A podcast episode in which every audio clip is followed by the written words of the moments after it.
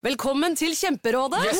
Denne gangen har vi fått inn et kjempedilemma fra en familie. Okay. Jeg leser Hei, vi er litt uenige i familien her. Mm. Hvis du skulle vært et dyr, ville du hatt gjeller eller vinger? Oi, den er tricky. Ja, hva ville dere hatt da? Altså, jeg vet ikke, men Med familierabatt får de ubegrenset data fra Telenor fra 399 kroner. Da kan de jo scrolle seg til svaret, rett og slett. Ja, ok, Men for min del Ja. gjeller. Nei, nei, Gjelder. nei, vinger. Nei, nei, gjeller. Ja, okay, ja, kjempebra. Men eh, se nye mobilabonnement på telenor.no, da.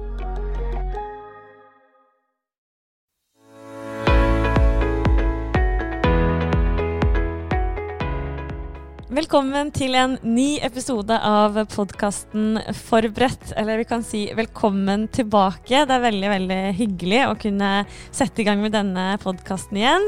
Eh, som skal være for deg som er jusstudent.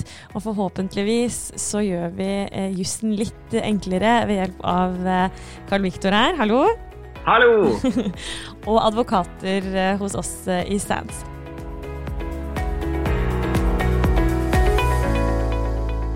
Ja, Karl Viktor, da er vi i gang igjen. Eh, Hvordan står det til med deg?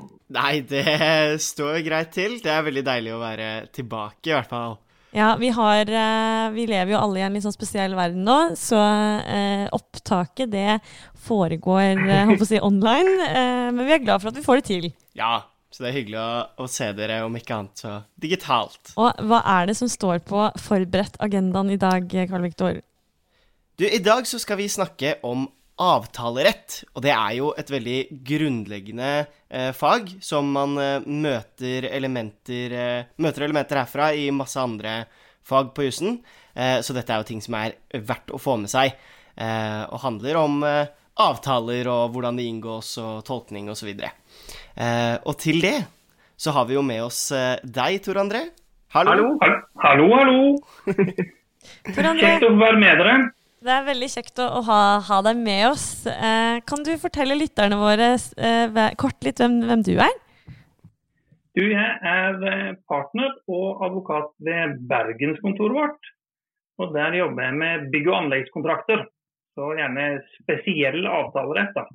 Det handler om, om eh, kontrakter, eh, og hvordan de skal tolkes, og hvordan de skal brukes. Og hvordan de skal forstås. Så alt, eh, alt det jeg driver med, handler egentlig om for så vidt avtalerett. Du er riktig mann for denne, denne oppgaven her, og da skal vi begynne veldig overordnet. Eh, og et, et spørsmål som eh, kanskje berører oss uansett om vi holder på med jus eller livet generelt. Hva er en avtale? Jeg, jeg tror ikke det finnes noen, noen sånn lovfesta definisjon på det, men jeg tenker at det handler om at det er to parter, eller flere parter for så vidt, som er enige om noe. Man skaper en, en rettslig forpliktelse gjennom den enigheten. Eh, Gjerne kan kanskje se det på som sånn sammenkobling av to viljeserklæringer. da. Den ene vil gi noe, og den andre vil motta noe. Eventuelt at den ene vil levere noe, og så vil den andre motta dette. F.eks. mot betaling. Mm. Så Det er noe med det der eh, en, en enighet i en eller annen eh, form. Ja, og det er jo eh, når vi tenker avtale, eller i hvert fall ordet kontrakt, da, eh, som kanskje brukes litt eh, om hverandre, eh, så tenker vi jo gjerne at eh, det er to eh, parter som har møttes, og så er de skrevet under på et papir. Eh, men er det, er det bare det som er en avtale? Nei, det kan jo for så vidt også være ensidig. Den ene varianten treffer man jo på innimellom når man går ut på gata. Da kan det være noen fra Røde Kors f.eks. kommer og spør om du har lyst til å bidra med å støtte Røde Kors. Da kan man jo si ja, det har jeg lyst til.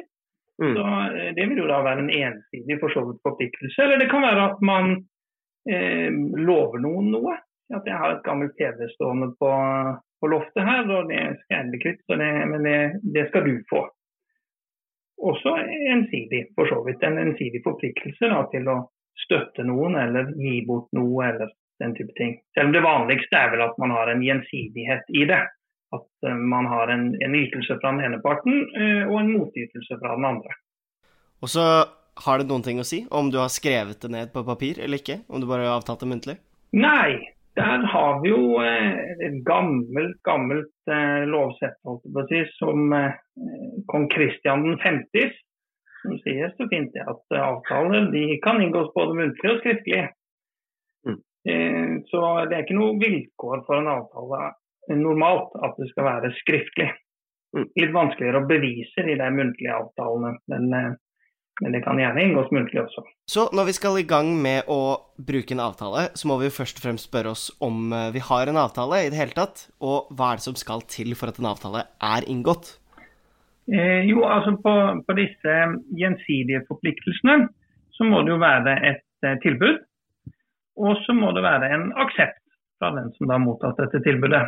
Og så må det være sånn at den aksepten er samsvarende med tilbudet. Da har man en avtale. Eh, hvis ikke aksepten er samsvarende, så har man et tilbud, egentlig.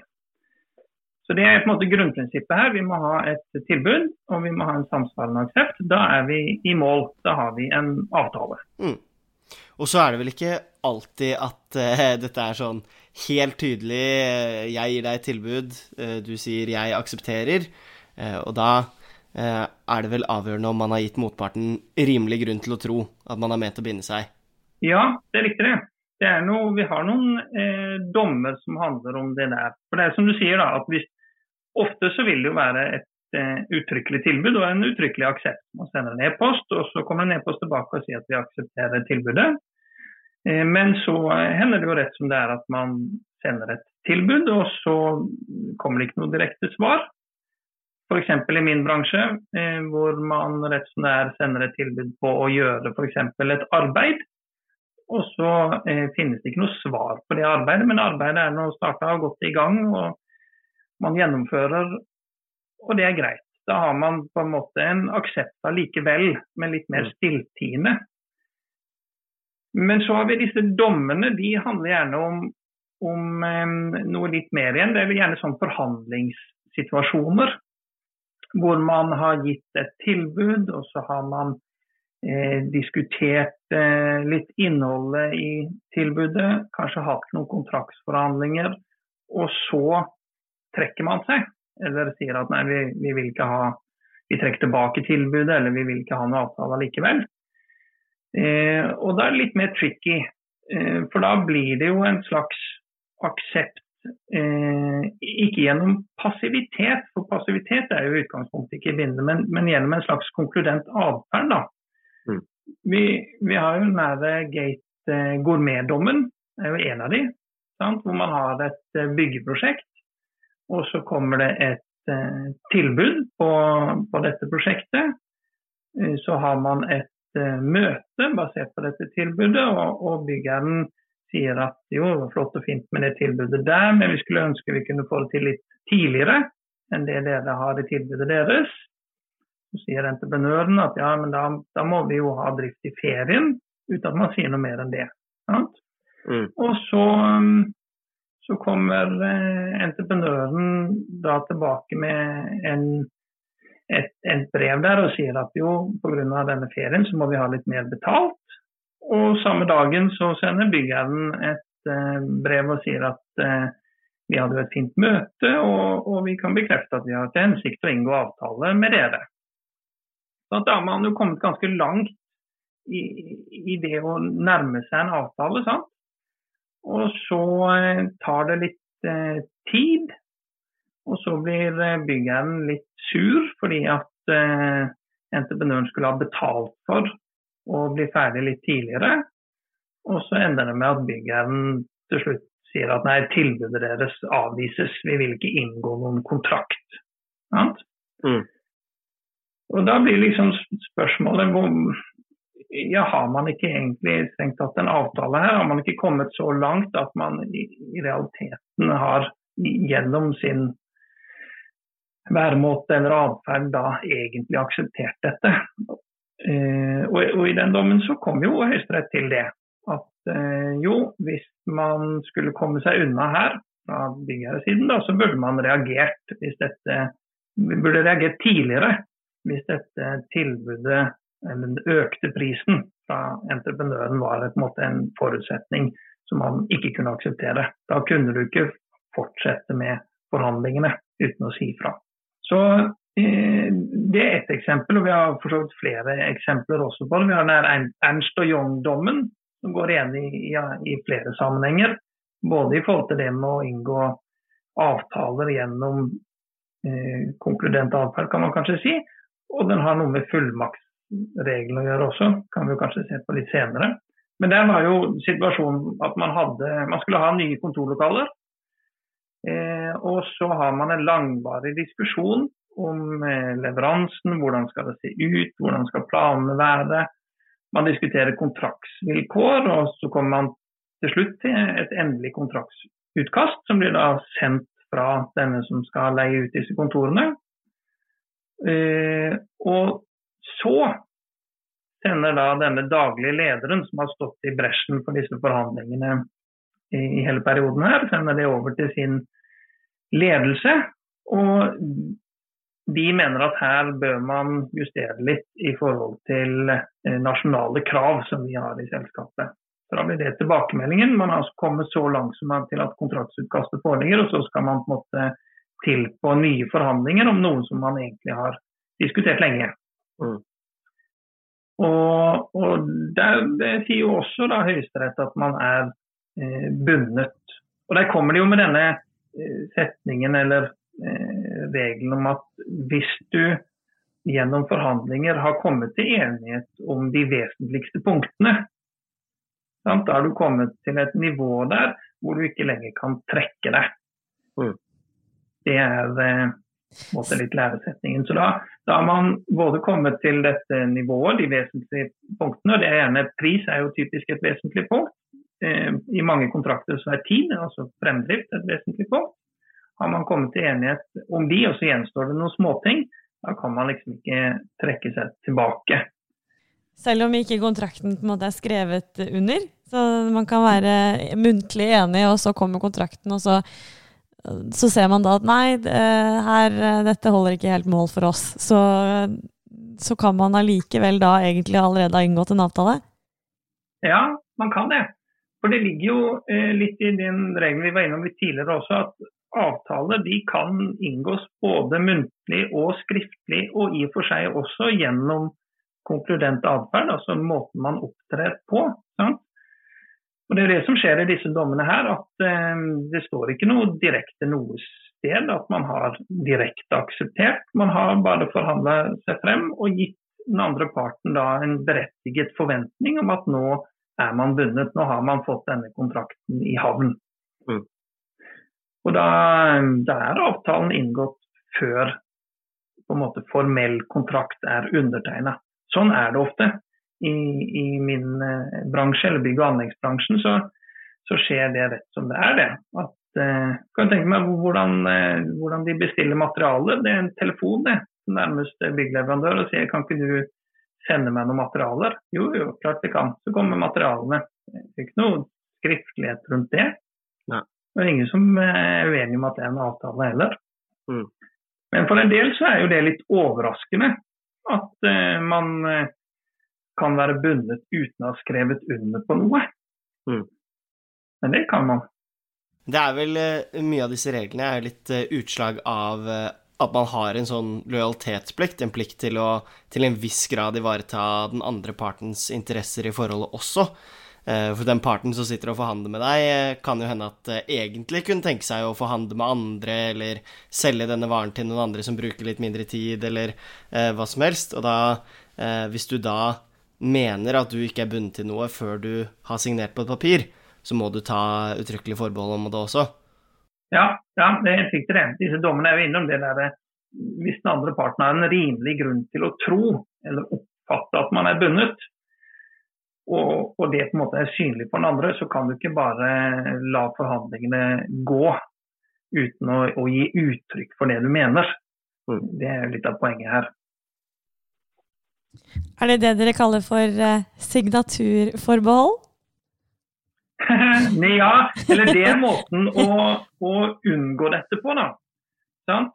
I og med at vi nå har en eh, dommer, og vi har jo en avtalerett som sier det, at du, du kan eh, inngå avtaler gjennom atferden din. Det kan være muntlig, det kan være skriftlig, det kan være gjennom atferden. Og så blir det jo for, for særlig profesjonelle parter, så er det litt tricky å forholde seg til. da, At du sitter og forhandler med noen, og så vet du ikke helt når er du bundet.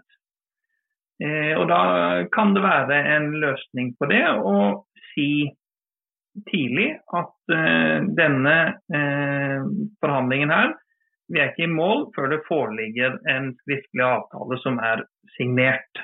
Eh, men da må man jo igjen være veldig tydelig på at det er et forbehold.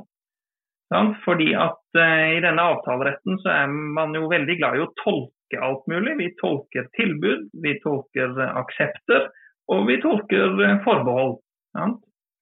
Og vi, vi har, der er det jo to sånne store høyesterettssaker. Den ene handla jo var i 2014 vel, om, om signaturforbehold, hvor man sa at jo, det kan man ta.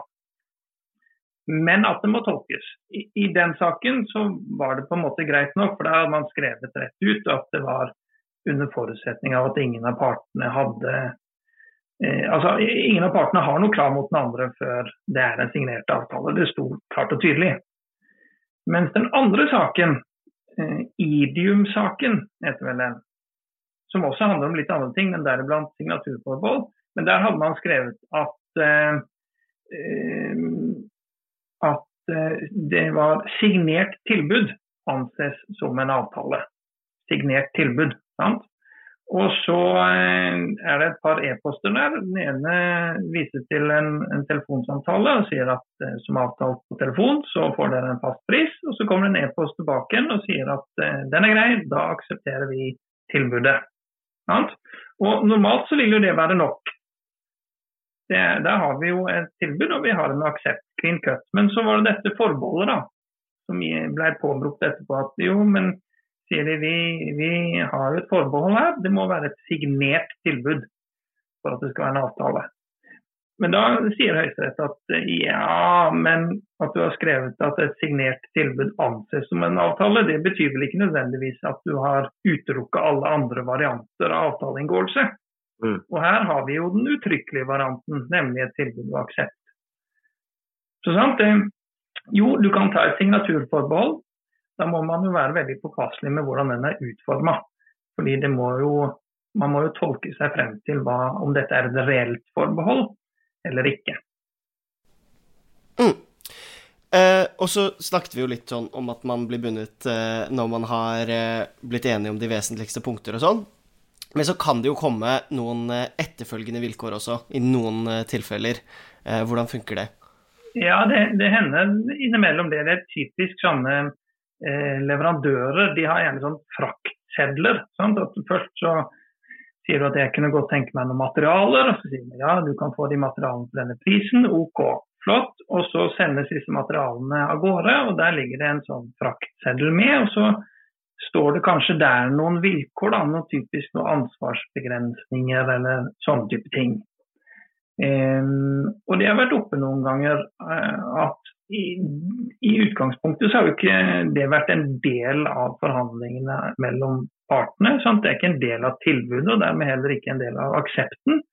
Så utgangspunktet er at sånne etterfølgende vilkår eller ansvarsbegrensninger, det er jo ikke avtalt mellom partene.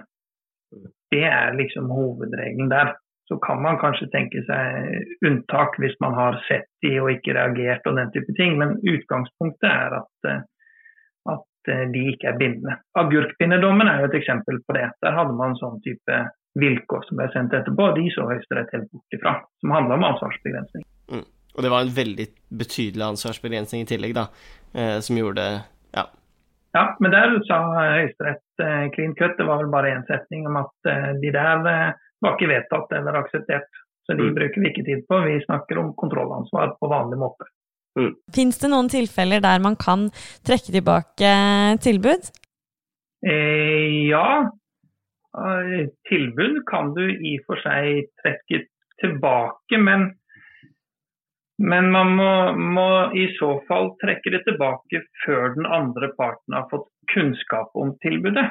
Altså Konseptet her er jo sånn at man sender et tilbud, og da er det tilbudet bindende når den andre parten mottar det, så har han rett til å gjøre gjeldende det tilbudet. Og da, Enten så kan man jo ha satt en akseptfrist. sagt at Dette tilbudet her, det gjelder i to uker. Ok, Da er du bundet i to uker. Og Hvis det da aksepteres, så er det en avtale. Da kan du ikke trekke det tilbake lenger. Og Hvis ikke man har satt noen, noen frist, så eh, er det sånn at da beregner man, da blir jo domstolen da, som beregner den fristen ut ifra hva eh, avsenderen måtte regne med. Sant? Eh, men så har man én, eh, eller egentlig to regler for så vidt. Da. Vi har én regel i avtaleloven i paragraf 7 som sier at du, du, kan jo kalle tilbake før eller samtidig med at eh, mottakeren da har fått kunnskap. Så sender du et tilbud til meg, og så, eh, før jeg har mottatt det, så sender du en, en eh, melding om at du, eh, det, jeg trekker det tilbake. Da er det greit. Så den er ikke um, egentlig så vanskelig. Trekker du tilbake før eh, jeg har fått vite det, OK, da er det trukket tilbake. Men så har vi den andre regelen, som eh, den man gjerne kaller reintegra på fint. Som er en, vel en analogi av en regel i avtaleloven. Eh, og den handler om å trekke tilbake etter at den har kommet til kunnskap. Så da går det jo egentlig fra eh, noe som eh, ville ha vært en avtale i utgangspunktet.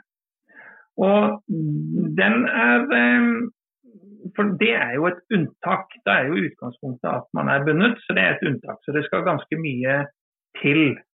Eh, der har man to vilkår.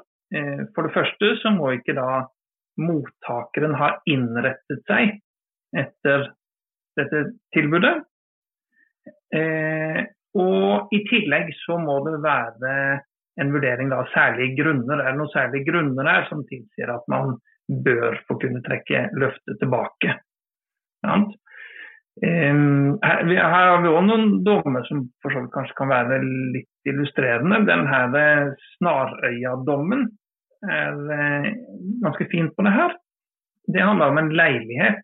Det var en, en, dame, tror jeg det var, som ga tilbud på en leilighet.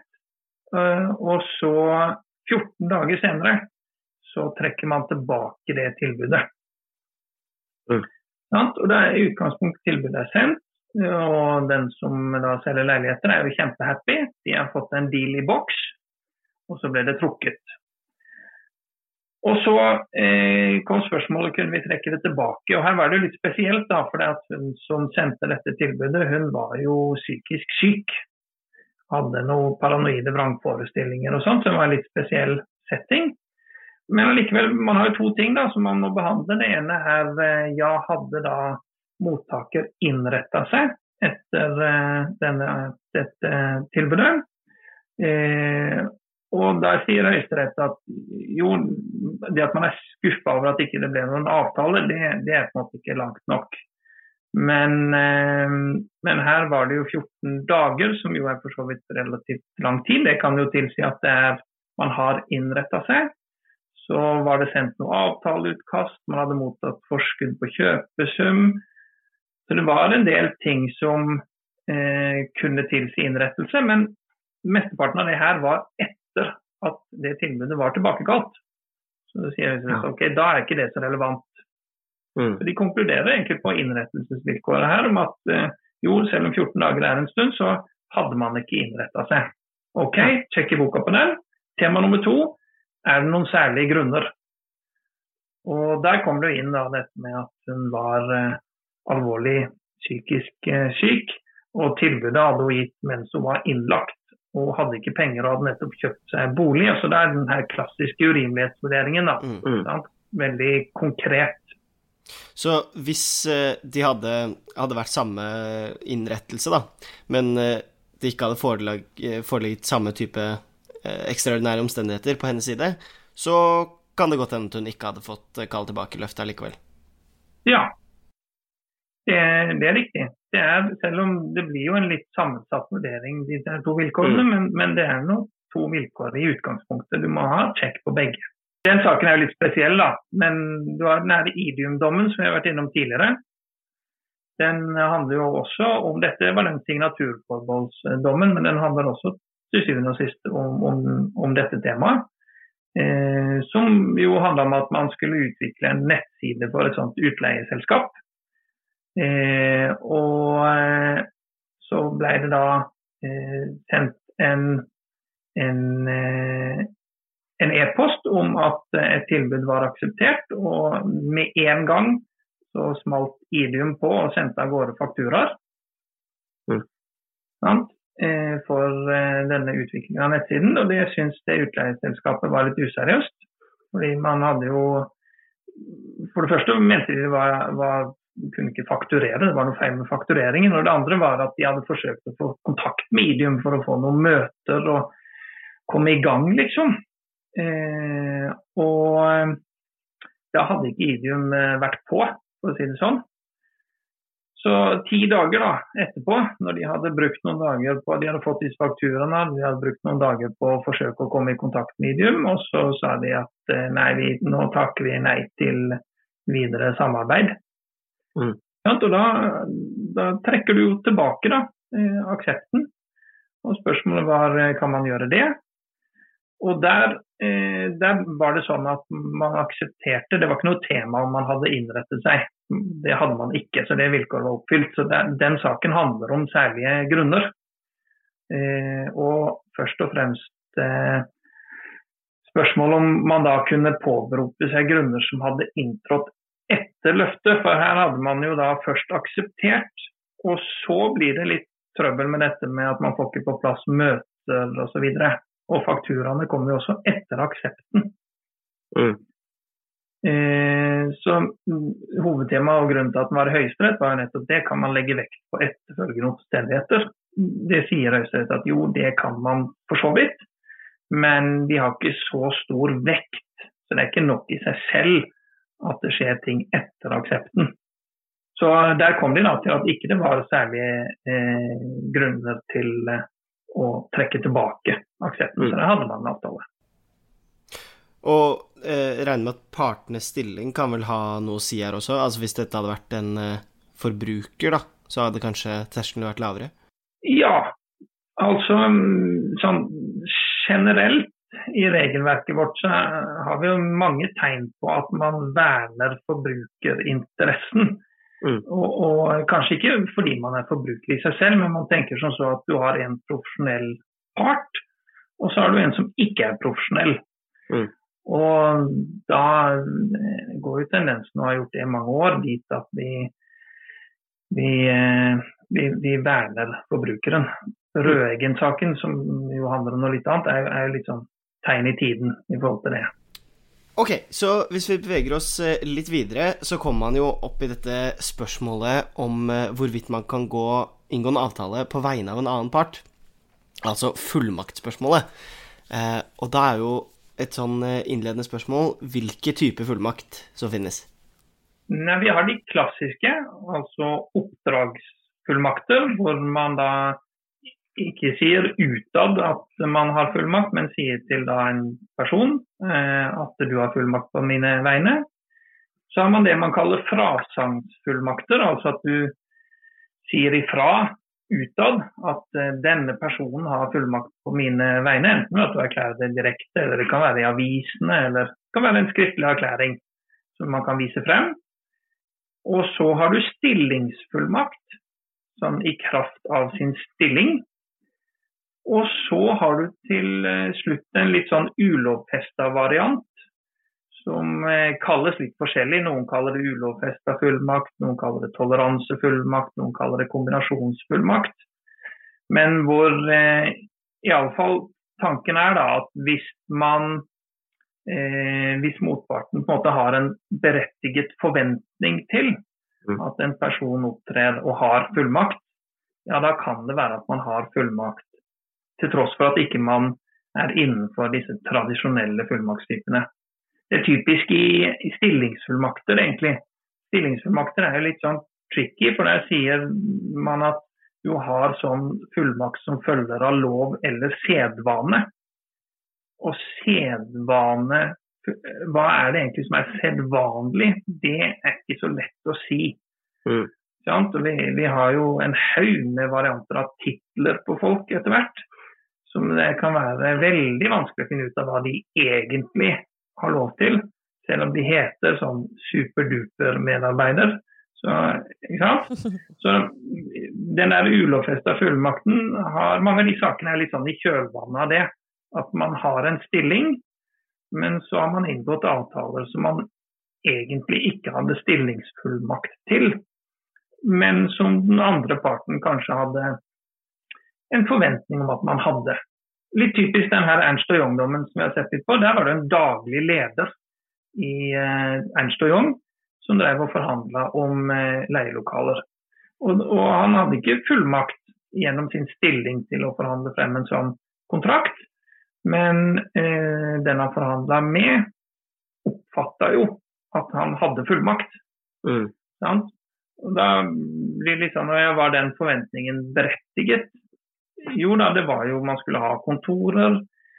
Eh, det var noe korrespondanse som også involverte andre deler av selskapet som hadde fullmakt. Det er ikke uvanlig at daglig leder får en fullmakt.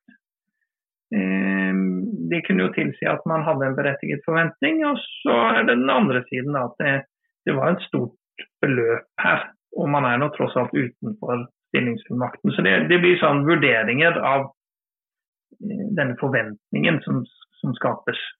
Mm. Det er nok typisk at det tar utgangspunkt i en stilling, for det gir jo en, en, en forventning i seg selv. Men så har vi også noen eksempler på personer som ikke har vært i stilling. Vi hadde vel en, vaktmesterdom f.eks. i lagmannsretten som også hadde fullmakt. Ja. Så det er de fire typene der. Ja, og det er jo eh, Så fullmaktspørsmålet blir jo, eh, hvis jeg skjønte det riktig, på en måte en avveining mellom da eh, fullmaktsgivers interesse i å ikke binde seg til noe han ikke har gitt klarsignal for, og så medkontrahenten sin interesse i å ja, binde motparten, da. Ja, det kan du si. Pluss, det ligner jo litt på denne konkludente atferden, som vi har sagt. Dette handler jo, Det er, det er liksom en forutsetning for ulovfesta fullmakt eh, det sa man i Terra-saken i Høyesterett, det er jo at noen som har fullmakt i utgangspunktet, er klar over dette og burde reagert. Ja. Mm. Så Det er jo sånn typisk at eh, i, man har et styre som ser at daglig leder driver og forhandler, men så gjør man ikke noe. Så det ligger litt av de elementene du er inne i, og litt også en slags bebreidelse da, knytta til de som har fullmakt i utgangspunktet, at ikke de gjør noe. Nettopp. Tor André, du eh, sa innledningsvis her at det er eh, mye tolkning eh, når det kommer til avtalerett. Og da eh, spør jeg deg, hvordan tolker man avtalens innhold? Ja, det er eh, ofte litt utfordrende, det. Si, vi, har to, vi, har et utgangspunkt. da. Vi, vi har eh, Utgangspunktet er denne subjektive regelen. altså hva, Hvis man kan finne frem til at partene har hatt en felles forståelse. Sånn, dette mente begge parter. Da eh, legger vi til grunn den felles forståelsen. Sant? Og da har det i og for seg ikke noe å si hva kontrakten sier. Da er det den felles forståelsen vi legger til grunn. Så er det jo stort sett sånn, da, iallfall i tvistesaker, at da har man ikke noen felles forståelse. Den ene forsto det sånn, og den andre forsto det helt annerledes. Og da må vi over på den objektive forståelsen. Eh, og objektiv forståelse det starter jo, eh, og det mest sentrale er jo da ordlyden. Hvordan er den normale språklige forståelsen av den? Eh, og særlig i profesjonelle forhold, der legger man veldig stor vekt på ordlyden. Ikke bare ordlyden, men ordlyden er i seg selv veldig sentral. Eh, og Da prøver man å finne frem til ja, hvordan er det denne da ordlyden blir eller skal oppfattes, eller kanskje på en annen måte blir oppfattet av folk flest. Det er vel det man kanskje kan si er det objektive. Men så må man ikke nødvendigvis låse seg helt akkurat på den ordlyden. Det har jo noe å si om vi finner andre tolkingsmomenter. Det kan være andre steder i avtalen. Det kan være at man ser på eh, intensjonen, formålet bak særlig profesjonelle forhold. Så utgangspunkt ordlyd, men vi bringer inn andre tolkningsmomenter også for å forsøke å få klarhet i denne ordlyden. Mm. I forbrukersakene eh, så er jo selvfølgelig også ordlyd eh, sentralt, men betraktningen blir kanskje litt bredere, fordi at forbrukerens normalforventning den skapes kanskje i større grad av andre faktorer i tillegg til ordlyden. Man legger til grunn at profesjonelle parter de blir nødt til å formulere seg godt og, og gi uttrykk for sin eh, vilje eller sin mening skriftlig. Mens forbrukere der er det litt mer sånn hva hadde man grunn til å oppfatte. Fortsatt objektiv tolking, men det får en liten sånn forbrukertvist. Og eh, når vi sier objektiv tolkning, så er ikke det eh, Det er jo lett å tenke at det nødvendigvis betyr en eh, bokstavelig tolkning av ordlyden, men det vel, eh, handler vel litt om at eh, man må se på objektive momenter. Helt eh, riktig. Og, og det, det, er derfor det er liksom viktig å ha med seg det at bare ordlyden i seg selv det er jo et utgangspunkt. Der skal vi finne den naturlige språklige forståelsen, og da har vi ett moment i denne vurderingen. Så må man gå og se på har man en kontrakt som inneholder andre dokumenter som sier noe. Ja, kanskje de kan gi noen føringer for hvordan vi skal forstå mm. dette. Så det er en ganske bred vurdering, eh, egentlig. Mm. Så har man jo her Det ender jo gjerne i Man har noe som kalles forfatterregelen eller uklarhetsregelen. Sant? Og det er jo hvis man ender opp med etter tolkingen at eh, nei, vi finner egentlig ikke helt tak i hva dette betyr. Da sier man at da er det den som har skrevet denne teksten, som i utgangspunktet har risikoen for den uklarheten som må gå utover den. Mm. Ja. Men vi må gjennom hele den tolkingsøvelsen først, før vi kan lande på at nei, dette får vi ikke til, det var uklart, Gett. Da går det utover deg. ja. Og så, eh, når man har en avtale, eh, kan man avtale hva man vil? I utgangspunktet, ja. Man har jo avtalefrihet, så man kan avtale hva man vil. Men vi har en, noen grenser, særlig en øvre grense som handler om urimelighet. Det er den som ligger i avtalelovens 36. Men så har vi også noen andre forutsetninger. Eh, typisk at du må kunne inngå avtalen, altså habilitet. F.eks. så mindreårige vil jo ikke kunne inngå avtaler. Da er det ikke bindende. Og så har vi jo andre ugyldighetsgrunner, da. Type du blir tvunget til å inngå en avtale, eller det ble inngått ved svik, eller den type ting. Vi har to måte, kategoriseringer, da, typer av ugyldighetsgrunner. Den ene er de svake, som tvang og svik og utnyttelse og den eh, typen der. Og der sier man at eh, de eh, kan bli ugyldig hvis den andre parten har vært uaktsom eller i ond tro. Sant? Så det har noe med eh, en godtrovurdering der hos den som avtalen er inngått med. Og så har vi de sterke ugyldighetsgrunnene. Eh, typisk det at man handler med noen som ikke er eh, myndig. Eh, og de kjennetegnes da at det har ikke noe å si om den andre parten har vært uaktsom eller i, i ond tro. Så har vi den her som vi har vært innom, man kaller det gjerne generalklausulen i, i paragraf 36. Eh, som omfatter jo både de svake og de sterke ugyldighetsgrunnene. Og den er litt spesiell fordi at den, eh, de andre grunnene her de leder jo til ugyldighet fullt og helt. Mens eh, 36 den åpner jo for at du også kan eh, få delvis ugyldighet, eller at du kan utfylle avtalen. Og da, eh, Avtaleloven 36 eh, sier jo at eh, hvis det er urimelig eller i strid med god forretningsskikk å gjøre avtalen gjeldende, eh, så skal den rett og slett ikke gjøres gjeldende. Og som du sier, så er det jo litt eh, forskjellig. Den trenger jo ikke å settes helt bort, eh, men den kan jo være sånn at bare den delen av avtalen som er urimelig, settes bort. har du noen eksempler på når det her har skjedd? Ja, eller den, En av de som er skrevet eh, mest om i, i media, er den Røeggen-saken. Den gikk jo over lang tid og endte opp i Høyesterett til slutt. Den handler om de her strukturerte spareproduktene som eh, Røeggen egentlig hadde sånn strengt tatt hadde han tatt opp lån i banken for å få en mulighet til å få avkastning, og så fikk han ikke det. Mm. Eh, og Den ble jo kjørt frem som en sak etter avtalelovens eh, 36.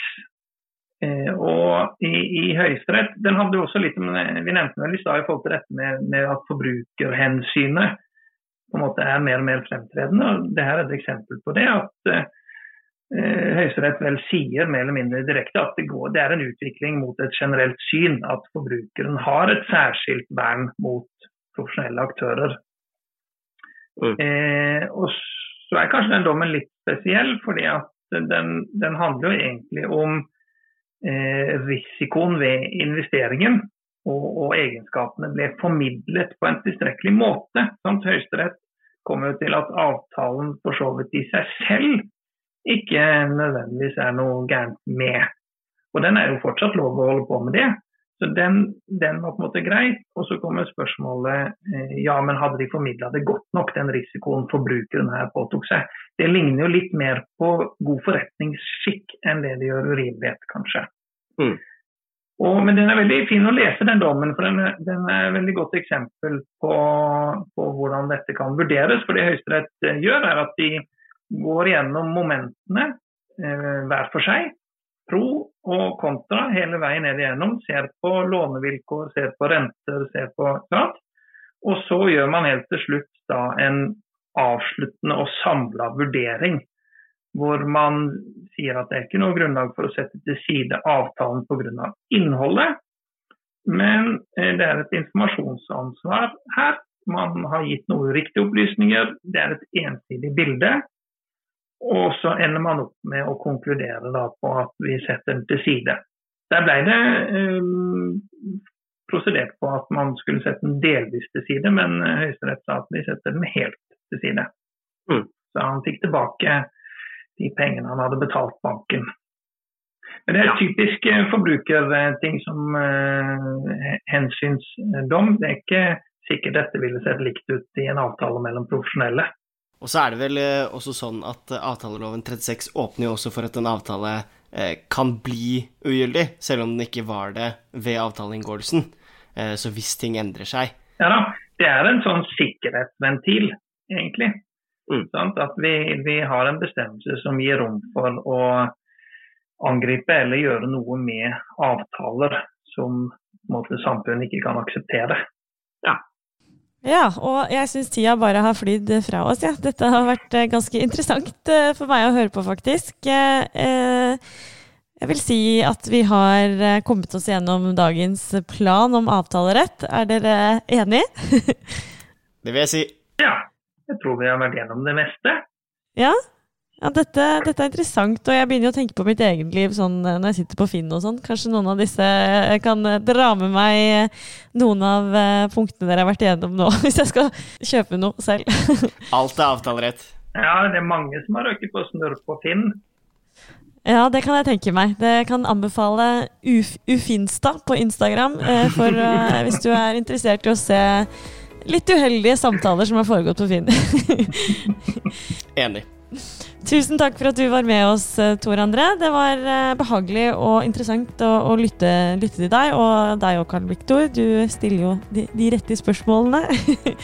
Eh, så takk for nå. Takk for nå. Takk for nå.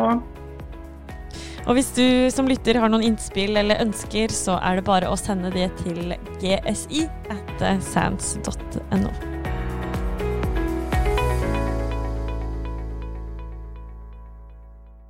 Kiwi er billigst i VGs matbørs og har vært billigst i fire av de fem siste VGs matbørser. Og nå presser vi prisen på påskevarer fram til 1. april.